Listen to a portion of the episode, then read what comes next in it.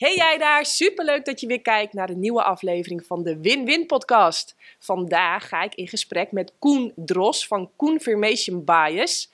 En ik verheug me echt ontzettend op dit gesprek. Ik ben benieuwd uh, waar het lekker gaat schuren, maar volgens mij gaat dat heel erg meevallen.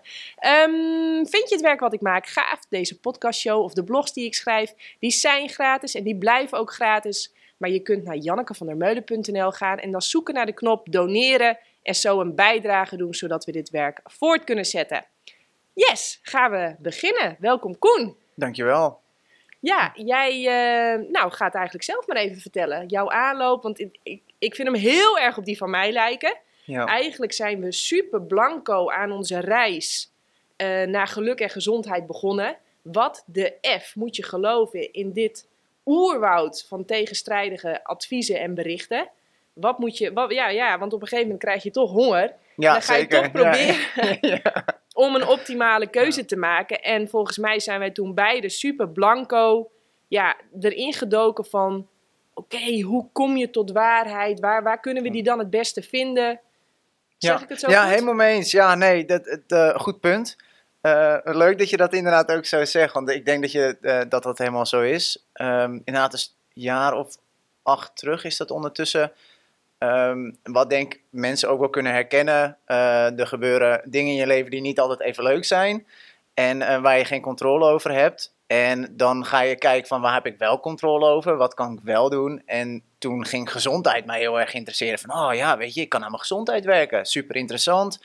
Um, ga eens even op internet kijken, boeken, podcasts luisteren, alles erop en eraan. En dan kom je wel in de wereld van voeding op uh, het internet. En dan denk je wel van, oh, um, hoe, hoe kan dit? Er zijn zoveel overtuigingen. En je merkt dan bij jezelf heel erg die afhankelijkheid op andere mensen die jou moeten vertellen hoe het zit. En jij zelf gewoon niet zo goed weet van wie je dan wel en niet kan geloven. En dat is inderdaad het beginpunt voor mij geweest van oké, cool, dan ga ik het studeren. Dan studeer ik iets wat ik interessant vind. En als ik dan er geen werk in vind, dan heb ik in ieder geval iets gedaan wat ik leuk vind.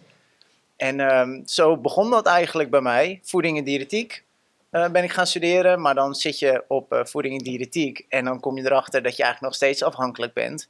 Want er wordt jou verteld op de opleiding hoe het zit. En zeker worden er met jou achtergronddocumenten gedeeld en alles erop en eraan. Maar ik kwam erachter als ik de wetenschap erachter niet snap, ben ik als toch steeds afhankelijk van andere mensen die mij uitleggen hoe het zit op het gebied van wetenschap. Ja.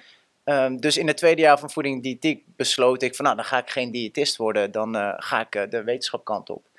En uh, op basis daarvan heb ik eigenlijk alle keuzes daarna gemaakt qua studie, vervolgstudie.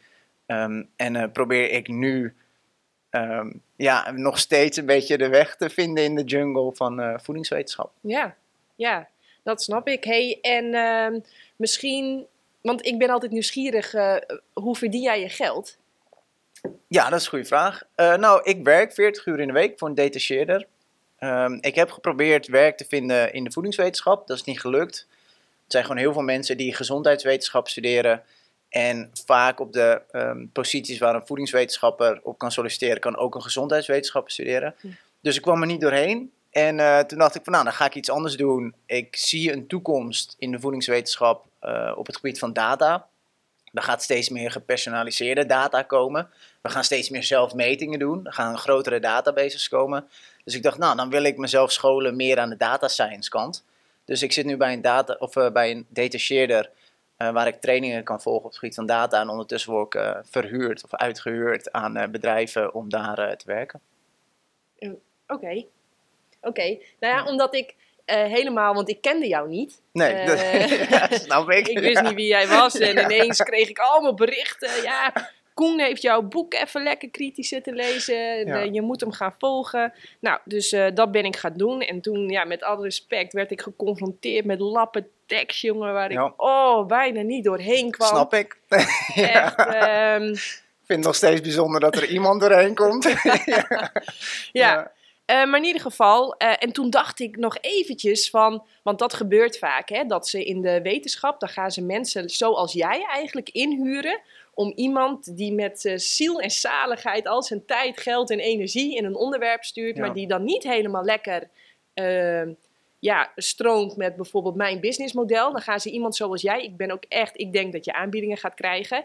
Gaan ze iemand als Koen, gaan ze inhuren. Oh en gaan ze zeggen, weet je, interesseert me niet, maar iedere punt en komma die niet op de goede plek staat, daar moet je gewoon over beginnen. Vol gas, gestrekt been erin, Vol uh, twijfel, uh, zaaien, alles erop en eraan. Precies, want, ik zal het even uitleggen, twijfel is ons product. Want zolang mensen, en ik zie dat ook echt non-stop op mijn Instagram voorbij komen, ze weten het niet meer. En wat gaan ze doen? Ze gaan kiezen voor de strategie. Dan doe ik van alles maar een beetje. En alles met te ervoor, dat is dan waarschijnlijk niet goed. Dus ze houden een beetje vast aan wat ze van hun oma hebben geleerd. Ze doen een beetje wat Richard de Let zet. Nou, ze doen ook een beetje wat Janneke zegt. En dan komen ze er waarschijnlijk wel. Ehm, terwijl ja, in mijn boek, mijn nieuwe boek wat eruit gaat komen, heb ik een heel hoofdstuk wat, waar ik de, het pleidooi heb, moderation kills. Dus ik denk dat het in voedinglandschap best wel uit kan betalen om dingen wel radicaal te doen. Oh, fascinerend. Ja, ook op het gebied van je gezondheid, zeg maar. Juist. Oké, oké. ja. Ik denk dus dat het heel gezond kan zijn om radicaal te stoppen met vis radicaal te stoppen met vlees, radicaal te stoppen met eieren. Hè. Dan kom ik direct bij mijn eerste punt, onze biases. Ja, ja, ja, ja, ja. Nee, interessant. Ja. En ehm, dat het dus uh, heel lonend kan zijn om radicaal iedere dag vroeg op bed te gaan. Uh, dat soort dingen. Ja. Dus ik denk dat uh, ja, moderation, dat dat een heel, hele gevaarlijke strategie, strategie kan zijn. Maar daar komen we nog op. Koen, waar ik mee wil beginnen om jou überhaupt even beter te leren kennen, is dat we Oh nee, we gaan beginnen met onze belangrijkste biases. Dus eventjes, ik heb mijne al een beetje verklapt. Ik ben echt lyrisch en helemaal gefascineerd en helemaal vol passie over win-win. Ja. Ik vind het, hè, ik, ik eet nu 12 jaar, meer dan 12 jaar, helemaal vegan. En ik heb daarmee aan mezelf bewezen en ook aan mijn, hè, tijdens de zwangerschap en nu een super gezond, groot, sterk kind. Dat je dus op een manier kunt eten die echt super lekker is, super gezond is. En met de getallen die ik heb, denk ik ook nog het minst belastend voor de aarde. Dus ja, die win-win vind ik gewoon fascinerend. Ja, snap dus als ik iets lees wat toevallig dat ondersteunt, ja, dan vind ik dat heel leuk om te lezen. Dus dat is wel echt mijn bias. Ja, ja. ja. en uh, wat dat betreft, want om nog terug te, een uh, klein beetje terug te haken op, uh, op wat voor werk ik doe. Want ik word dan nu verhuurd aan Agrifirm, wat een, een van de grote uh, diervoeding uh, specialisten, verkoopbedrijven is. En uh, Arjen Lubach had daar natuurlijk ook een mooi stuk over hoe zij ook achter de boerenprotesten zitten en dat soort dingen. En ook daar proberen twijfel te zaaien. En in die zin um, vond ik het heel fascinerend om daar. Ik ga nu naar een nieuwe opdracht toe. Ik ga naar een, een, pensioenen, een pensioenenbedrijf toe. Dus dat betreft heb ik eigenlijk helemaal geen binding met Agrifirm. Behalve dat ik hele leuke collega's had. En dat het heel fascinerend was om te zien hoe zij wel bezig zijn met die transformatie, omdat ze gewoon weten dat ze moeten gaan krimpen en ze weten welke dat er een bui hangt. Uh, uh, maar in die zin uh, heb ik helemaal geen belang, belangen daar verder bij. Wat de bias die ik wel heb, en dat weet ik van mezelf, is dat ik überhaupt geloof dat voedingswetenschap werkt en dat het um, klopt. Want er zijn ook mensen die zeggen van, nou weet je, dat is leuk, voedingswetenschap. Maar je kunt eigenlijk nooit, weet je, grote experimentele onderzoeken, die kunnen niet. Er is weinig controle en op het moment dat je observationeel onderzoek gaat doen, dan is het allemaal zo rommelig en zo. Eigenlijk kan je niet zoveel met, uh, met voedingswetenschap. En mijn bias is dat ik het daar niet mee eens ben, ondanks dat ik besef dat er kanten, haken en ogen aan elk onderzoek zitten en aan voedingswetenschap. Uh, denk ik dat aan het eind van de dag het echt wel een waarde heeft. Dus dat is een bias voor mij. Verder probeer ik ja, zo bias, biasloos mogelijk te zijn op het gebied van ik kies geen kant in wat ik denk dat gezond is. Ik kijk echt puur naar mensen maken een claim, ze halen de wetenschap vooraan, onderbouwt die wetenschap de claim die ze maken. Ja. En de kanttekening die daarbij uh, gemaakt moet worden is dat op het moment dat ik zeg, hey, de onderbouwing klopt niet, betekent niet dat de claim niet klopt. Nee.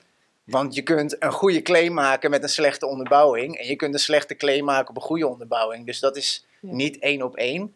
Uh, het wordt wel soms zo geïnterpreteerd, maar dat is niet hoe ik het bedoel. En ook nooit uh, wat ik zeg. Ik zal nooit zeggen van nou, wat jij doet werkt niet. Het enige wat ik zeg is, hey, de onderbouwing die jij uh, aanbood bij je claim, die onderbouwt de claim niet. Nee, nee. Oké, helder. Um, trouwens, ik ben het met je eens, want ik denk wel dat het gros van de onderzoek niet geschikt is om de resultaten zeg maar rechtstreeks toe te passen op je eigen leven. Maar ik zie wel dat als je daarvoor filtert en je gaat uitzoomen en je gaat al die dots met elkaar connecten, dat is ook eigenlijk wat ik non-stop doe. Dat is uh, ja, uitzoomen en dan lijntjes trekken tussen al die stipjes en dan kijken wat voor verhaal komt daar nou uit. Ja. En, uh, en misschien ook leuk voor jou om te weten hoe ik ben begonnen. Want uh, ik heb dus Finance and Investment gestudeerd en ook HRM. En het allerbelangrijkste wat ik uh, tijdens mijn uh, universitaire studie heb uh, geleerd, is hoe bepaal je de bewijskracht van verschillende onderzoeksmethoden. Nou, dan noem jij de piramide van bewijskracht, die haal ik ook non-stop in mijn boeken aan omdat ik van mijn studiebegeleider Bart Dietz, als ik dan aankwam met een case study of een losse cohort studie, dan zei hij altijd: Ja, interesseert me geen reet. Ga eerst maar uitzoeken wat er uit de meta-analyses en systematische reviews naar voren komt. Dat nemen we als startpunt en dan gaan we verder en dan stellen we een hypothese op en een onderzoeksvraag ja. en bla bla bla bla bla. Nou, jij kent alle stappen. En uh, nou, op een gegeven moment zat ik lekker in de materie hoe je. Uh, uh, god, nou ontschiet me het woord, het beloningssystemen bij salesmensen, hoe je die het beste kunt structureren. Want het blijkt heel vaak dat salespersonen, dat, die, uh, uh, dat de meeste marge op koelkast A zit, terwijl het voor een salespersoon veel interessanter is om koelkast B te verkopen. Nou, dat heb ik helemaal strak getrokken. Oké, okay, ja. ja. Maar ja, ja, niet echt heel Hele andere tak van sport. Ja, niet, heel, niet heel boeiend. Maar het heeft mij wel geleerd van, oké, okay, zelfde aanloop als jij. Ik wilde ja, graag gezond eten. Um, uh, van oké, okay, dat ga hetzelfde ga ik toepassen op voeding. En ik heb dus letterlijk gewoon Ctrl-F, meta-analyse ingetoept en dan bijvoorbeeld all-cause mortality. Dat geeft altijd mooie ja. overzichten. En toen ben ik gewoon ja, daardoor heen gaan grasduinen, over en over en over again. Uren, uren, uren, uren, uren. En uh, en, want ik kwam ook nog, namelijk, ik kom uit de sportwereld. Dus ik was helemaal gebrainwashed dat het super belangrijk was voor, voor, ja, als je iets van betekenis wilde zijn in de sportwereld, dat het super belangrijk is om eiwitten te eten. Veel kwark, biefstuk, uh, beta-analine moest ik ook non-stop nemen, creatine. ja. zo was ik. En dat, dat wilde ik ook best wel hoor. Ik bedoel, als, ja, wist ik veel. En toen uh, kwamen we bij mijn uh, uh, eerste. Want ik wilde als kind eigenlijk al vegetariër worden. En dan merk je ook weer hoe complex het wordt. Dus ik had die. Ik wilde wel graag goed doen voor de dieren. Maar ik wilde ook heel graag goed voor mezelf. En in het begin dacht ik dat conflicteert met elkaar. En toen later kwam ik erachter, in het begin van mijn grasduin eigenlijk al, dat dat helemaal niet zo hoeft te zijn. En toen kwam ik erachter van fuck, hoe doe je dat dan? want we kunnen wel theorie hebben, maar hoe werkt het dan in de praktijk? Nou, en toen had ik dat aardig uitgedokterd en toen ging ik dat eerste boek schrijven. Ja. En dan moet je je voorstellen, dat schreef ik in 2013. Dus in het eerste boek, uh, Supersnel Herstel, schreef ik in 2013. En uh, had ik een mooi verhaal van gemaakt en toen zeiden mensen, prachtig. Maar uh, ja, beetje de enige roepende in de woestijn, hè? Ja, precies. Hoe kom je hierbij? Ja. Nou, en toen werd ik eigenlijk geforceerd door mijn publiek, werd ik aangemoedigd om ga eens eventjes alles wat jij weet en al die claims die jij maakt, ga die wel eens even onderbouwen. Dus nou, ik weer op alles. De... Ja. dus, dat, dus in die zin had je de overtuigingen al, maar ging je wetenschap bijzoeken? Bedoel je? Um, of? Ja, ja, ook. Ik, ja. Heb, ik heb echt, maar ik ben niet gaan cherrypicken. Ja, ook. Ik heb ook gecherrypicked. Absoluut. ja. ja. Zo eerlijk van je. Ja, ja, ja tuurlijk. Ik heb dat ook gedaan. Maar je moet je ook voorstellen dat als je helemaal in onderzoeken bent en die verwijst weer daarna en je komt op het volgende en je komt weer iets gaas tegen, dan, ja, dan ging ik dat ook meenemen. Of ik kwam echt iets tegen wat echt inderdaad super mooi liet zien. Inderdaad, dat als jij. Uh, uh, uh, nog uh, bijvoorbeeld voor een half jaar helemaal vegan eten en je gaat dan een half ei per week toevoegen, hoe ongelooflijk snel dan je, uh, je cholesterol ja. al stijgt. Nou, als ik zoiets dan vond, dan dacht ik, wow mensen, kijk dit, je moet dit weten. En dan ging ik dat natuurlijk ja. ook erbij halen. En um, dus, dus ja, zo is dat eigenlijk gelopen. Ja, ja kijk, en dat is natuurlijk wel de het, denk ik het lastige met wetenschap is dat we gebruiken het gewoon heel erg graag om een soort van kracht aan je overtuiging te geven. Van hé, hey, dit is mijn overtuiging en kijk, ik heb wetenschap die het bevestigt. Ja. En ik zie gewoon op heel veel, bij heel veel mensen tot nu toe. En ik denk dat dat ehm, een beetje de kracht is van wat ik doe, is dat ik niet dan zelf met literatuur ga gooien. Oh, jij vindt dit, maar ik vind dit en ik heb ook literatuur. Want ja, dat gebeurt dus heel erg veel. Ja. Eh, mensen die zitten van ja, nee, weet je, het is leuk wat voor literatuur hij of zij aanhaalt. Maar kijk, ik heb deze studies en die zegt dit, zeg maar. En dan krijg je zo'n over en heen geschreeuw van eilanden van... oh, maar je moet vlees eten. Oh nee, je moet geen vlees eten. Of, of wat voor onderwerpen dan ook. Ja. Ehm, en ik vind het veel leuker om te kijken van oké, maar oké, cool, jij vindt dit, je claimt dit, welke wetenschap heb je? Want daar leer ik veel meer van dan dat ik zelf gewoon op PubMed ga zitten en even search terms ga intypen. Uh, ja. Maar ik ben zo dus wel begonnen. Ja, ik dat ben snap wel, ik, ja. ik heb echt letterlijk alle meta-analyses en reviews uit de peer-reviewed magazines, die heb ik geprobeerd door te typen op all-cause mortality of uh, health of uh, brain health of uh, muscle health of dat soort dingen ging ik dan intypen om gewoon te kijken van wat komt daar nou uit. En dan vind ik het, dan, hè, mijn bias, dan vind ik het best wel um, dan, dan zie ik gewoon non-stop terugkomen dat hoe meer fruit, hoe meer planten, hoe minder dierlijk en bewerkt en dat soort shit, ja, hoe gezonder. Ja, ja maar kijk, en dat weet je denk ik ook. Er is heel weinig literatuur op mensen die echt vol vegan en al helemaal op de win-win dieet eh, eten. Want dat, dat, daar ben je inderdaad, denk ik, nog steeds uh, ja. redelijk op je zichzelf staan. En daarom ben ik ook uh, heel erg geïnteresseerd geraakt in je boek. Omdat ik dacht van, oh cool, weet je, wat een cool idee. Ik ben heel erg nieuwsgierig wat voor wetenschap ze aanhaalt. En um, wat dat betreft is er denk ik heel weinig literatuur dat echt gewoon onderzoekt wat jij doet. Ja, dus het is wel dan een soort van stap en een aanname om te maken van oké, hoe meer is beter. Dus 100% is het allerbeste. En dat is natuurlijk een stap die je dan maakt op literatuur die er niet is. Nee, nee. En eigenlijk kun je ook een hele boek, dat is, dat is eigenlijk non-stop een pleidooi. Ehm, en dat, dat is ook nog leuk om te weten. Een boek schrijf je niet zelf. Ik heb geen idee. Oké, heb je wel een boek geschreven? Ik ben, nee, ik ben heel oh. nieuwsgierig ook hoe je dat gedaan hebt, inderdaad. En met literatuur en zo. Ik heb echt geen idee. Oké, nou je moet je voorstellen dat die eerste twee boeken, die heb ik in samenwerking geschreven met Ecoplaza. Dus dat eerste boek, dan moet je je dus voorstellen, ik lever dat allemaal aan. Ondertussen ben ik twee keer per dag aan het trainen, vlieg ik de hele wereld over om wedstrijden te doen. En, ehm, eh, en daar had ik, uh, heb ik een heel mooi lijstje gemaakt van dit is vergif en dit is een supersnel herstel. Gewoon, hè, want daar komen we straks nog op. Lekker radicaal. Ja, radicaal. Waarom? Want we worden helemaal scheidsziek van al die nuances en al dat vage gedoe. Ik heb gewoon hup, zwart, wit en uh, ja, doe ermee wat je wil. Ja. ja. Maar je moet je voorstellen dat de uitgever van, dat, uh, van de eerste twee boeken, dat is ook uh, hun belangrijkste opdrachtgever is Ecoplaza. Ja, dus belangen ook, zeg maar. Belangenverstrengelingen, absoluut. Dus zij hebben bij sommige recepten hebben ze gezegd: lukt dit niet helemaal vegan, voeg dan even een ei toe. Oh ja, oké, ja, ja, ja, een mooi biologisch ei. Van ja, mooi biologisch de meter ei. Uh, en ze hebben letterlijk gezegd: Janneke, als jij in je tweede boek met heel veel data aan gaat komen, dan vinden we het goed. Maar tot die tijd gaan wij een Demeter-ei of een biologisch mootje zalm, waar de hele wereld van zegt dat dat super gezond is, gaan wij echt niet bij vergif zetten. Dat gaan wij zeggen met eet dat maar met mate.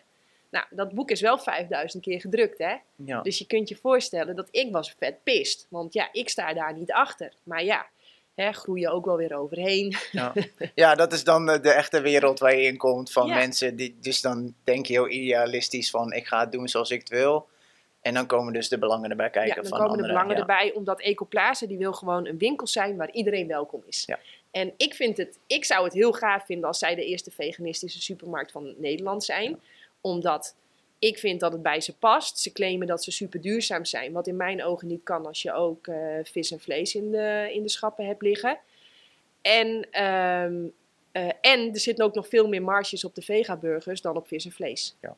Dus ja, ik. Uh, maar goed, dat is, dat, dat, daar is niet iedereen het mee eens. En nee. dat mag ook. Nee, ja, en dan kijk, en dat betreft. En dan mijn tweede ja, oh, sorry, punt. Ja. Mijn tweede punt, je maakt een boek dus nooit alleen. Als ik schrijf, zet ik ongeveer in iedere zin ja, wellicht, uh, eventueel, misschien, vraagteken, vraagteken, vraagteken. En dan krijg Lekker ik wetenschappelijk, zeg maar. Ja, ja, ja, maar dan krijg ik non-stop terug. Uh, Janneke, dit boek is van jou. Own je dit of own je dit niet? Dus ja, sorry, maar al die vraagtekens en dat wellicht en dat misschien en eventueel en een pleidooi en zou het zo kunnen zijn dat, dat wordt er allemaal uit weggehaald. En dan, want ik zat ook, maar, hè, want jij zei maar ja, het gaat over dit hoofdstuk en ik zit dat hoofdstuk terug te lezen en dan denk ik, wow, ja, ik wilde daar als titel een pleidooi voor. Ja. Uh, ik heb hier honderd keer wellicht, misschien zou het dan niet kunnen zijn dat. En, uh, maar ja, dat is dus allemaal weggehaald. Ja, ja kijk, en, en, en ik snap hoe lastig dat is. Want ik ben bijvoorbeeld laatst ook geïnterviewd voor bijvoorbeeld de Wendy over intermittent fasting. Oh ja. En het is ook gewoon de vraagstelling die je een hoek in duwt van we willen gewoon een ja of nee. Um, is het, werkt het of niet? Uh, zorgt het voor gewichtsverlies of niet? Zorgt het voor een betere vetverbranding of niet? Heel zwart-wit. En als wetenschapper zit je heel erg van ja, maar context en ja, nuance. En ja, dus ik heb achteraf nog best wel wat heen en weer gemaild van ja, jongens, um, zo ga je het erin zetten of niet? Want anders hoeft het voor mij gewoon niet, zeg maar. En ik heb gelukkig de positie dat ik hier geen geld mee verdien, dat mijn leven er niet van afhangt, dat mijn gezin of mijn vriendin of wat dan ook, niks hangt er vanaf. Dus ik kan gewoon ja of nee zeggen tegen dingen. Ehm, en ik snap hoe lastig dat kan worden. Kijk, uiteindelijk is dat ook natuurlijk niet waar ik echt tegen op ben gelopen in het hoofdstuk van wat ik gelezen heb van uh, de diabetes uit de eiwitleugen. Het kwam, denk ik, het belangrijkste punt was bij de laatste onderzoeken, bij de experimentele onderzoeken. Als je zegt dat een interventie geen dierlijke producten bevat, maar het bevat wel dierlijke producten. Magere. Uh, magere, ja, het bevat magere die, uh, dierlijke producten, zeker. En die is wel belangrijk, denk ik, toch oh, erbij. Want ik heb dus voor mij, hè, want ik zit dan ook in een flow, hè. En dan denk ik gewoon, ja, zie je wel. Uh, ja, maar uh, mijn pleidooi namelijk is, misschien moeten we het even bij het begin beginnen. Is een goede misschien, inderdaad, ik, ja. Ik denk dat er heel veel problemen ontstaan als mensen procentueel te veel van hun calorieën uit vet en eiwitten halen ik denk, op basis van alles wat ik gelezen heb en ook bij mezelf zie, is dat wat natuurlijk N is één anekdotische drogreden. Heel slecht, hè? ja, zo gaat het leven nou eenmaal. ja. Ehm, denk ik dat het zo optimaal is om rond die 10% te zitten. En als je, en dat gaat met een standaard Nederlands dieet en met een keto of een paleo of intermittent fasting, wat ook meestal richting keto paleo gaat, ga je daar al super snel overheen dan ga je, denk ik, procentueel veel te veel vetten en eiwitten eten. En ik denk dat dat heel belastend is voor je lichaam. Maar nu komen we bij het punt. We hebben diabetes type 2, hebben we suikerziekte genoemd. En ik heb het idee dat daardoor heel veel mensen denken dat het probleem suiker is. En ik denk dat het behulpzamer zou zijn voor heel veel mensen als we het een vet-eiwitziekte noemen. Want dan geeft het eigenlijk het focus, de, ja, de focus meer op de kern van het probleem. Want ja, ik zie gewoon heel veel, ook in mijn eigen praktijk, dat, uh, dat is ook een slecht voorbeeld trouwens, want je weet. maar wat ik dus zie gebeuren met honderdduizend verschillende variabelen. Dus dit is niet evidence-based, maar uh, result-based, ja. dat het heel uh, helpend kan zijn als je dus ja, veel minder vet en eiwitten gaat eten en veel meer. Wat je, je eet nooit vetten en eiwitten en koolhydraten, moeten we ook eigenlijk direct zeggen. Maar dat je je dieet meer gaat centreren rondom fruit en groenten. En dat je wegblijft bij bewerkte producten en bij dierlijke producten. Die automatisch vaak iets hoger zijn in vetten en eiwitten. Ja. En zout. Ja.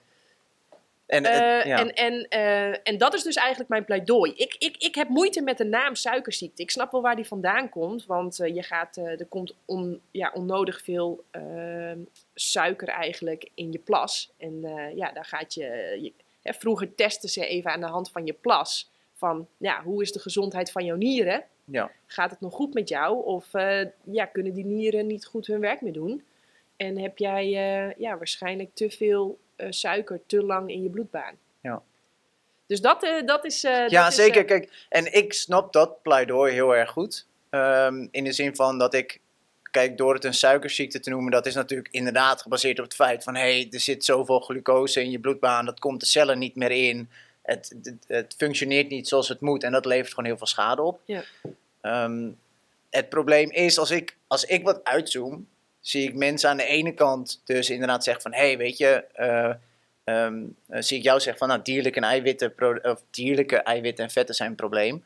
Maar ik zie aan de andere kant zie ik ook gewoon studies en mensen die uh, op het ketogeen aspect zitten... en inderdaad gewoon volle kwark en uh, zuivelproducten en dierlijke producten eten... maar juist hun koolhydraten heel laag houden en dezelfde resultaten bereiken. En de rode draad die ik zie is dat in alle studies mensen Ehm, minder eten dan dat ze verbranden, zodat ze afvallen. Dat is heel belangrijk. Wat heel erg belangrijk is. En gewoon verschuiven van het standaard die, uh, eetpatroon wat we hier in de westerse wereld hebben. En naar een eetpatroon gaan waar zo weinig mogelijk bewerkte producten in zitten. Vooral sterk bewerkte producten. Dus waar de, ultra bewerkt. Ja, ultra bewerkt. Dus waar de supermarkt voor 80% mee vol ligt. Ja. Daar niet meer van kopen. Ja. Um, en dat het dan eigenlijk niet zoveel uitmaakt hoeveel dierlijke producten op zich je eet het gaat er meer uh, om de vorm van. Dus en dat, je haalde hele mooie casusstudies aan, bijvoorbeeld, die dan veganisten vergelijken met omnivoren. En dat veganisme op, veganisten het op bepaalde aspecten in het bloed beter doen. Uh, maar zoals jij dan net ook zegt, het gaat veel meer om wat je eet dan om de voedingsstoffen. Dus als je dan niet weet hoe die omnivoren eten, want daar kan natuurlijk heel veel verschil in zitten. Ga je naar de McDonald's of maak je je eigen hamburger of weet je, dat soort keuzes, dan zijn de voedingswaarden misschien relatief hetzelfde.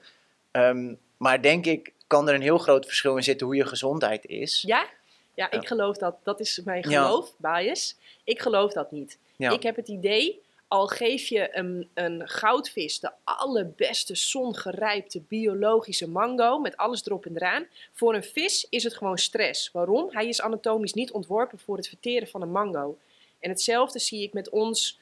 Uh, wij, onze handen, tanden, enzymen in onze mond, de zuur in onze maag, de lengte en de structuur van onze darmen. Ook al eten wij het allerbeste grasgevoerde geknuffelde, vrijwillig naar de slacht gelopen rundvlees. We zijn er gewoon niet voor gemaakt. Dus, dus ja, ik, ja dat, dat, is, dat is. Kijk, en, en dat verhaal zie ik natuurlijk ook aan beide kanten. Dus je hebt mensen die compleet het tegenovergestelde erover denken, maar wel deze storytelling ook gebruiken. Van hé, hey, kijk, weet je, 200.000 jaar terug. Uh, het fruit en groente wat er toen was, was compleet anders. Konden we amper eten. En we waren vooral gewoon aan het scavengen. En dan was het ook heel veel dierlijk en plant. Uh, scavenger, sorry. Dus uh, hoe noem je dat? Um, Jagen, verzamelen? Ja, een beetje verzamelen. Scavenger, sorry. Verzamelen bedoel ja, ik. Ja, ja sorry. Ja. aan het verzamelen. En dat was dan allebei. Dus ik probeer een beetje bij die storytelling weg te blijven. En dan gewoon te kijken van, nou, wat hou je voor bewijs daarvoor aan? Ehm, en dan zie ik dat beide kampen gewoon studies aan kunnen halen van hey, als je dierlijk eet, dan uh, kun je je diabetes verbeteren. En als je niet dierlijk eet ook. Alleen uh, de studies die je dan aanhaalden, bevatten een klein deel magere dierlijke producten. Um, en dan zie ik, ben ik gewoon niet overtuigd dat ik denk van oké, die dierlijke producten hadden alsnog een nadelig effect. Want de mensen deden het er gewoon prima op, zeg maar. En dan denk ik, ja, waar is dan het bewijs? ja, ja. ja. oké. Nou, mooi. Um, ja. Heb je alles gezegd wat je nu wilde zeggen? Of wil je nog wat over die studie zeggen? Hey, hier Janneke van de Win-Win-methode. Je hoort Koen zeggen dat afvallen en een gezond natuurlijk gewicht hebben, dat het echt onwijs belangrijk is voor je gezondheid. En dan is natuurlijk een hele belangrijke vraag: wat is de simpelste, snelste, makkelijkste strategie om een gezond en natuurlijk gewicht te krijgen of te handhaven? Nou, dat leg ik helemaal uit in het nieuwste boek De Eiwitleugen, wat je kunt bestellen via jannekevandermeulen.nl. Nee, ja, daar valt denk ik verder niet veel over te zeggen. Ehm, nou, ik had namelijk bedacht, want uh, om jou een beetje beter te leren kennen en mij ook, heb ik, ja, ik hoor net je vervelende verhaal met Wendy, maar ik heb ook allemaal stellingen opgesteld. Oh ja, ja, ja. maar laten we dan afspreken dat we, we proberen zo kort en zo snel mogelijk te antwoorden, maar dat, dat we toch ook even wat ruimte laten voor nuance. Ja? ja? Dus uh, Koen, een groene smoothie of uh, een warme havermout? Thank you.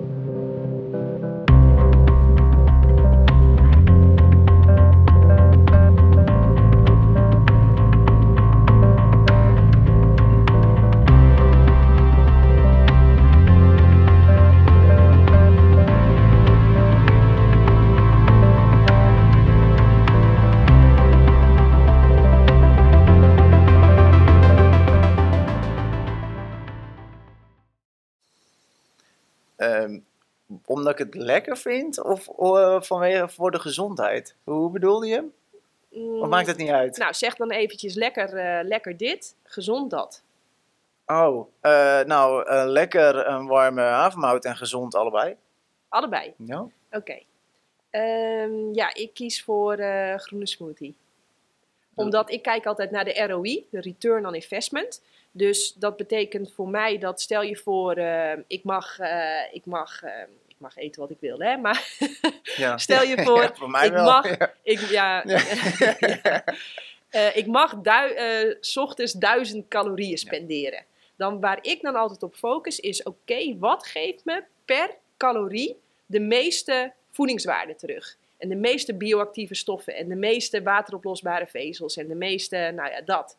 En dan zie ik als je een groene smoothie uh, naast een warme havermout legt, dan, krijg, ja, dan is mijn ROI met die groene smoothie, hè, krijg voor die duizend calorieën dan zoveel meer voedingsstoffen terug. Ja. Dat, dat is de reden dat ik... Ja, uh, ja nee, ik, uh, ik denk niet zo, uh, zo gedetailleerd en serieus over mijn voeding na. Oh. Nee, ik, ik vind het heerlijk om een haven overnight oats te eten. af en toe een groene smoothie kan. Ik denk dat dat allebei prima is voor je gezondheid. Ja, ja. ja. Nou, uh, over biases gesproken, er is ook best wel veel als we gaan kijken en gaan uitzoomen. En we gaan kijken naar populaties die uh, volkoren granen in hun dieet hebben opgenomen. Dan zien we dat die wel vaak ook andere gezonde eetgewoontes hebben. En het dus ook inderdaad gezonder zijn. Ja, ik denk, en uh, om dan wel even terug te haken op de studies die je aanhaalde. De mensen die daar een uh, onbewerkt, grotendeels plantaardig eetpatroon aanhielden. Vol met volkoren granen, groenten, fruit en dus wat magere dierenproducten, die gingen er hartstikke goed op. En ja. um, ik denk dat dat ook de crux is. Als je dat soort. En dat is misschien die ROI of die ROI. Ja, return ja, on investment. Ja, als je zeg maar. Ik denk dat gezonde voeding zorgt voor verzadiging. Uh, en zorgt voor dat je inderdaad voor zo min mogelijk energie, zoveel mogelijk uh, voedzame dingen binnenkrijgt. Uh, en dat denk, is denk ik met een havermout en met een groene smoothie allebei te doen. Ja. Um, nou, waarom, waarom kies ik voor de groene smoothie en niet voor de havermout? Omdat ik denk dat iedere cel in ons lijf, waar we miljarden van hebben, voor optimaal functioneren afhankelijk is van vitamine C. En uh, vitamine C vind je nooit in granen, ook nooit in pulvruchten. Uh, die vind je alleen in fruit, bladgroen, kruiden, kiemen en zeewier. En heel soms in groene ertjes en um, dat is dan de uitzondering uh, die de regel bevestigt dat ook in pulvruchten geen vitamine C zitten. Dus dat is de reden waarom ik, ondanks dat ik zie dat er wel veel bewijs is dat volkoren granen gezond kunnen zijn in je dieet, dat ik er toch zo ver mogelijk bij vandaan blijf. Omdat, omdat er geen vitamine C in zit. Ja, omdat er geen vitamine C in zit. En ook uh, de meeste granen hebben een vezelstructuur waar onze darmen niet de voorkeur aan geven. Dus ja. En, en uh, want hoe bedoel je dat dan? Want in principe denk ik dat uh, er veel observationeel bewijs is. Bijvoorbeeld dat mensen die veel volkoren graan eten, gewoon daar goed op gaan. Ja, ja, ja, absoluut. Absoluut. Maar ik hoorde je net al een paar keer het woord zeggen: ja, prima. Ja, goed. Maar ik vergelijk me met de wereldtop. Dus met ja, prima en ja, goed. Daar heb ik niet zoveel mee. Ik wil beter, best, nog beter en gewoon echt het allerbeste. Ja. En als ik dan. Uh, en, en ik bedoel, ik zie een havermout ook als prima gezond, hè? Ja. Ik bedoel, uh, och, als iedereen toch eens wat meer havermout zou ja, gaan eten. Precies, ja. Dat zou fantastisch zijn. Ja, uh, dus dat besef ik me natuurlijk heel erg goed. Maar ja, als ik dan iets meer wil dan wow, prima en wow, goed, ik wil echt beter best, ja, dan kies ik voor de groene smoothie. Ja, ja precies. Maar zeg maar, wow, prima zou voor heel veel mensen al zeg maar een hele stap vooruit zijn, toch? Absoluut. Ja. helemaal met je eens. Nou, uh, als we zo voor ieder punt gaan, dan zijn we nog even bezig. Maar uh, we, ik denk wel dat dit echt voor mensen heel erg helpend is. En uh, vroeg op bed en vroeg je bed uit? Of laat je bed in en, laat je, en dan ook laat je bed uit? Oh, vroeg op bed, zeker, ja. En is dat omdat je dat lekker vindt? Of is dat omdat je daar ook de meeste bewijs voor vindt dat hè, de uurtjes voor 12, dat je daar meer diepe slaap hebt en dat diepe slaap goed is voor je herstel? Ja, nou, dat is puur gewoon op, op mezelf gebaseerd. Ik ben een ochtendmens. Um, alles wat ik voor Confirmation Bias doe, doe ik in de, de ochtenduren voor mijn werk. Vanaf een uur of vijf, zes ochtends. Um, en dat, dat gaat alleen goed als ik dan ook uh, relatief, relatief vroeg op bed lig. Dus meestal rond half tien, tien uur. Ja, Okay. nou, helemaal vergelijkbaar. Een ijsbad of een warme douche? Een ijsbad. Of een, of een koude douche in ieder geval, ja. ja. Vertel eens. Uh, elke ochtend ook, zeg maar. Dus ik heb dat betreft een ritueel in de ochtend. En dat is vroeg opstaan. Um, en beginnen met een, een koude douche op de ochtend. En dat ja, is gewoon heel chill. Ja, ja voelt gewoon heel goed. Dus dat doe ik graag. Ja. Um, krachttraining of duurtraining? Krachttraining is mijn voorkeur. En is dat omdat, waar, waar, waarom maak je die keuze? Nou, ik denk dat ik zeg maar, um, mijn beweging probeer ik over de dag gewoon genoeg te krijgen. Door zoveel mogelijk zonder de auto te doen. Gewoon alles nog zoveel mogelijk met de hand, van boodschappen tot gewoon de afwas. En gewoon lekker in beweging zijn, zoveel mogelijk. Uh, ik denk dat het daarbij gewoon heel belangrijk is dat je um, botversterkende oefeningen doet. Of in ieder geval iets doet om je spiermassa zo actief en sterk mogelijk te houden. Zodat we gewoon een beetje actief en gezond oud kunnen worden. En zo lang mogelijk de dingen kan doen die ik leuk vind om te doen. Dus ik denk ja, die combinatie. Ja, ja. Uh, ja ik combineer het ook. Dus ik doe ook krachttraining en duurtraining. Uh, vooral rauw eten of vooral gekookt eten? Um, nou, ik eet me meer um, ja, een goede vraag in de zin van, ja, mijn avondeten is gekookt en gebakken. En mijn lunch en mijn ontbijt zijn meestal koud. Maar ik weet niet of je dat rauw noemt. In de zin van dat ik een... Eh, oké, is je eten voornamelijk gekookt of is je eten uh, voornamelijk onbewerkt en dus helemaal rauw? Um, nou ja, niet onbewerkt, want als ik een uh, cracker of een brood of een, uh, een sojakwark eet of zo, dan is dat natuurlijk bewerkt. Ehm, dus dat zal in die zin, um, uh, is het allemaal van mijn eten wel een beetje bewerkt, denk ik.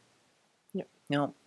Oké, nou ja, ik, uh, ik kies voor vooral rauw en onbewerkt. Dus ik eet gewoon hele bananen. Ja. Uh, is natuurlijk in de blender doen ook al een vorm van bewerking. En ik eet wel regelmatig ook smoothies. Ja, Daar ben ik wel fan van. Dus, uh, maar ik merk dat als ik eventjes bij ga houden van wat eet ik bijvoorbeeld allemaal, hè, dat wordt soms van mij gevraagd, dan denk ik, oh ja, wat eet ik eigenlijk de hele dag? Uh, dan is dat dus vooral uh, rauw en onbewerkt. En inderdaad, s s'avonds, helemaal als andere mensen voor me koken, dan ja. eet ik ook wel gekookte dingen. Ja. Oké. Okay, ehm, oh ja, gezond ontbijten of intermittent fasting en dus je ontbijt overslaan. Nou, dat vind ik een hele mooie, want ik verbaas me ongelooflijk veel. Ik heb ook het boek van Dr. Eh, Ludidi uh, onder handen genomen op mijn website. En ik verbaas me zo over het feit dat uh, mensen die intermittent fasting aanhouden, heel veel daarvan overtuigd zijn dat dat juist moet door je ontbijt over te slaan. Ja, Dat ik denk van, ja. Hoezo? Ik denk dat we juist veel meer gemaakt zijn om goed te ontbijten en eerder te stoppen met eten op de dag dan dat je het andersom doet. Ja, helemaal dus, eens. Ja, dus ik ben veel meer van gewoon goed ontbijten, overdag lekker eten en in de avond uh, liever niet. Ik heb tijden gehad dat ik eh, heel streng was voor mezelf met intermittent fasting. Ik denk dat dat ook ver van gezond is. Uh, ik heb daar nu een hele relaxte vorm in gevonden van lekker vroeg ontbijten als ik een keer een avond dingen heb, dan heb ik dingen. En anders dan zorg ik dat ik na het avondeten gewoon geen, gewoon alleen maar water of wat thee drink. Ja. Uh, en ik denk dat ik, ja, ik snap dat hele idee van, oh, dat ontbijt, dat, uh, dat hebben ze allemaal aangepraat. Zo denk ik van, nou, als je naar de literatuur kijkt, uh, zijn de studies die bij intermittent fasting echt een mooi effect laten zien. De studies waarbij ze juist vroeg op de dag eten en niet laat op de dag. Ja, ja, helemaal eens. Dat is ook wat ik ja. terugzie. En ik denk dat intermittent fasting, en dat is ook wel een belangrijke, waar we natuurlijk in de wetenschap non-stop mee te maken hebben, dat we dat eigenlijk ook nog maar alleen weten voor mannen. En dat het voor vrouwen ook alweer een heel ander verhaal is. Nou, ik heb voor de Wendy, want dat is natuurlijk de doelgroep met, met uh, vooral vrouwen. En ze waren ook veel benieuwd naar vrouwen naar de overgang bijvoorbeeld. Um, en ik denk wat dat betreft, uh, er zijn ook best wel veel vrouwelijke onderzoekers die met intermittent fasting bezig zijn. En um, ja, dat betreft heb ik wel wat mooie studies en die haal ik ook in dat stuk uh, in de Wendy, wanneer het uitkomt, hou ik die aan, waarin ook het voor vrouwen best wel goed werkt.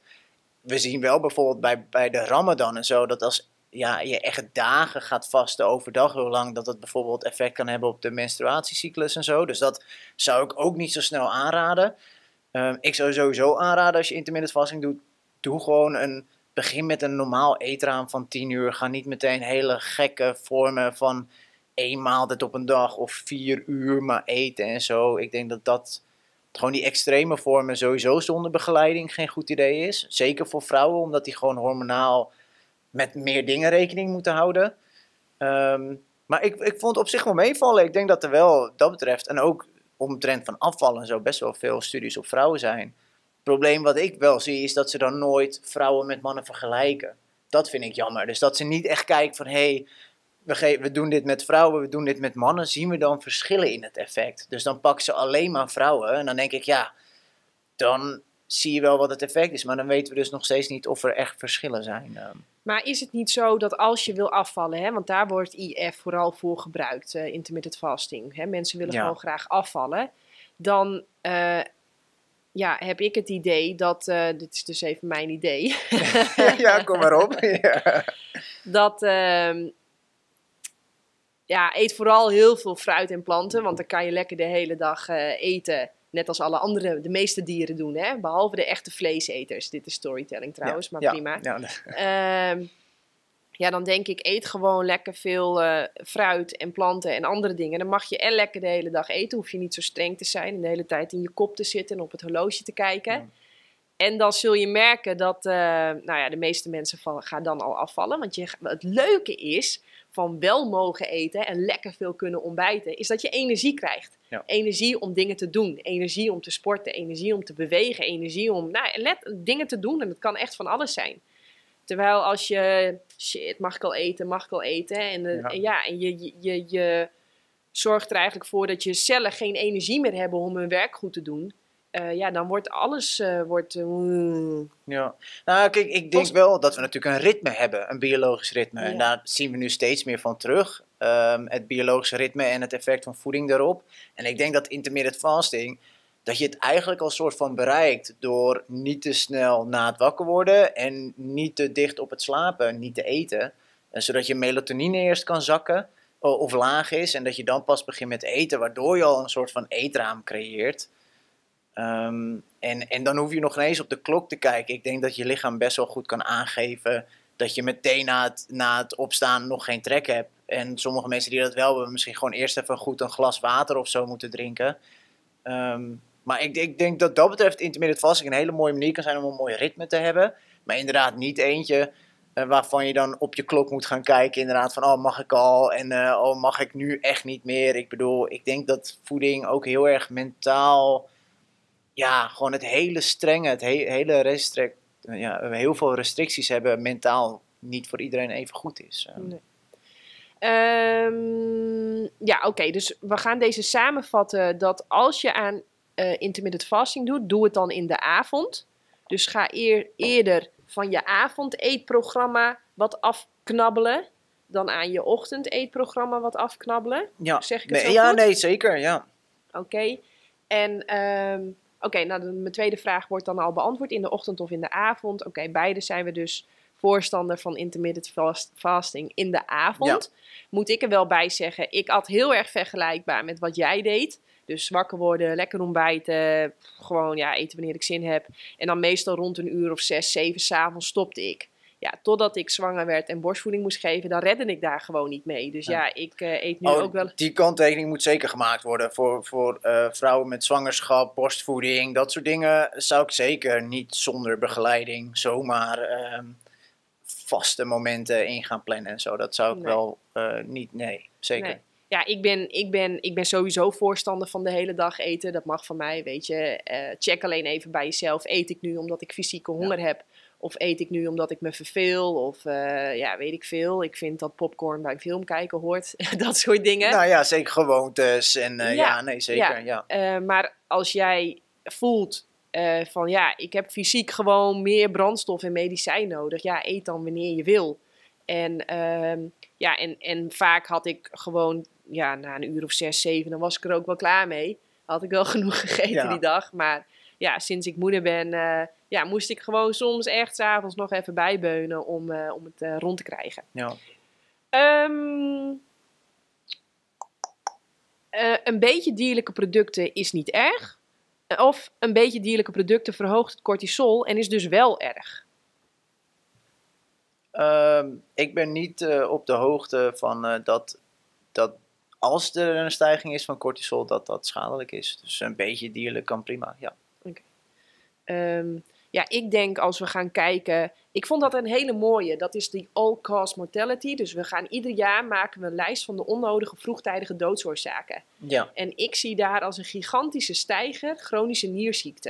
Je hebt het misschien in mijn boek wel gelezen. Ja, en ik, ik heb het idee dat ook, ook als we naar uh, hele specifieke uh, onderzoeken gaan kijken naar letterlijk wat gebeurt er met je uh, nieren na het eten van een maaltijd met dierlijke producten. Ik zou zeggen, check die onderzoeken. Want zoals ik ze interpreteer, is het voor je nieren echt super, super stressvol als je dierlijke producten in je maaltijd verwerkt. Ja. nou, ja, nou kijk, daar kan ik meteen op inhaken. Leuk. Want ik heb toevallig uh, uh, de allereerste uh, bron van je hoofdstuk van de nierfunctie. Um, zo uit mijn hoofd is dat dan volgens mij 138 als je daar op de eerste bron van die narratieve review kijkt, dan wordt letterlijk gezegd van, uh, of tenminste de eerste bron dat ze aangeven dat dierlijke eiwitten mogelijk, schade zijn, mogelijk schadelijk zijn voor je nieren, ja. uh, geven ze aan dat dat het geval is bij mensen die al een verslechterde nierfunctie hebben en niet bij mensen die nog een goede nierfunctie hebben. Dus ik vind dat een belangrijke nuance. Maar hoe komen gezonde mensen dan op een gegeven moment aan slechte nieren?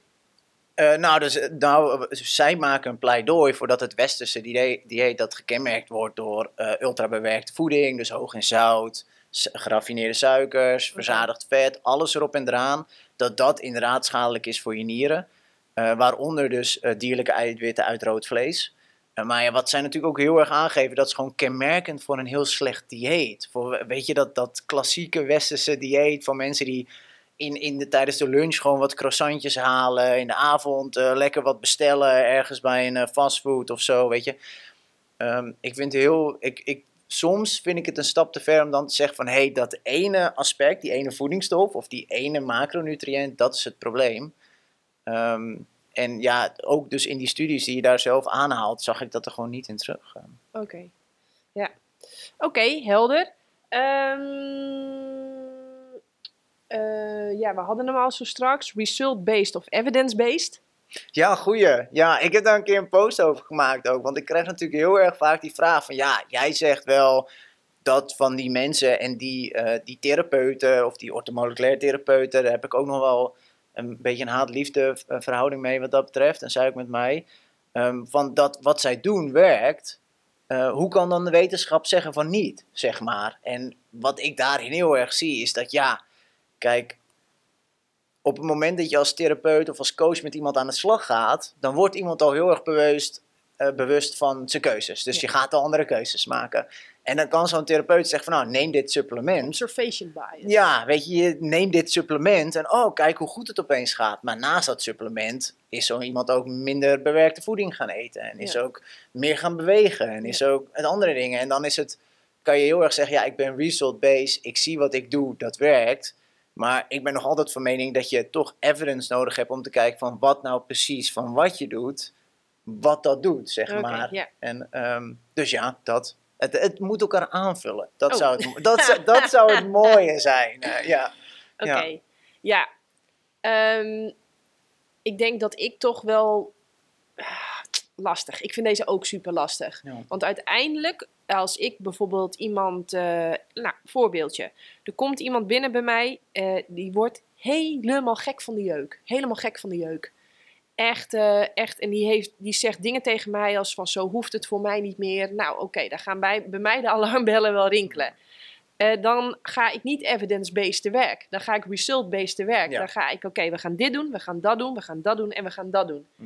En als ik dan drie dagen een bericht krijg van... Wow, ik ben al tien jaar met dit uh, problemen aan het struggelen. En ik heb alle salfjes en pillen geprobeerd die mijn arts heeft voorgeschreven met alle vervelende bijwerkingen van dien. Maar ik ben ervan af. Ja. ja, wat interesseert mij het dan oh, wat gewerkt heeft? Nee, dan ben ik zo blij dat die persoon van de jeuk naar af is na zoveel jaar en zoveel strijd en zoveel ellende. Dus ja, ik neig. Ja, potverdorie. Um, ja, ik, ik, ik denk dat ik toch ook, ja, ik vind het resultaat vind ik gewoon super belangrijk. En dan interesseert mij het eigenlijk minder van, ja, waarom hebben we dat nou bereikt? Maar goed. Nou kijk, en dan ben ik het helemaal mee eens. En mensen halen dat bij mij nog wel eens door elkaar. En dan zeggen ze van, ja, maar moet dan alles wetenschappelijk onderbouwd zijn? Ik zeg, nee, dat is helemaal niet de bedoeling. Maar op het moment dat iemand zegt dat zijn, zijn of haar claim of overtuiging wetenschappelijk onderbouwd is, komt er een bewijslast bij. En daar mhm. komt een verantwoordelijkheid bij dat je uh, daar serieus mee omgaat en weet waar je mee bezig bent. En niet gewoon maar even PubMed opgaat om wat studies aan te halen om te zeggen: hé, hey, mijn overtuiging is wetenschappelijk onderbouwd. Dus ja, ik ben het er helemaal mee eens. Niet alles hoeft altijd maar wetenschappelijk onderbouwd te zijn. Uh, op het moment dat je je werkwijze verkoopt als wetenschappelijk onderbouwd, vind ik dat daar gewoon heel veel verantwoordelijkheid bij komt kijken. Ja. ja. Um, squatty potty of gewoon op de bril zitten? Een squatty potty heb ik uh, staan thuis. ja, zeker. ja, ik ook. Uh, doe je aan poepen zonder vegen of moet je minstens vijf keer vegen? Uh, nou, dat kan nog wel eens wisselvallig zijn, net wat voor dag ik gehad heb, maar ik hoef nooit vijf keer te vegen. Nee. Is de toekomst plantaardig, ja of nee? Um, ja. In ieder geval plantaardiger dan dat we nu uh, eten. En welke krachten denk je dat erachter zitten? Eh, dat we nog niet plantaardig eten? Of nee, dat, dat, we... dat we in de toekomst meer richting plantaardig gaan. Nou, ik hoop, en dat is ook in ieder geval mijn uh, belangrijkste uh, overweging waarom ik meer plantaardig eet, is dat we meer liefde voor uh, andere wezens en dieren gaan hebben. Um, en dat we gewoon gaan inzien met z'n allen dat wat we nu, met, zeker met de bio-industrie aan het doen zijn, eigenlijk bizar is. ja. Wat maakt het voor jou bizar?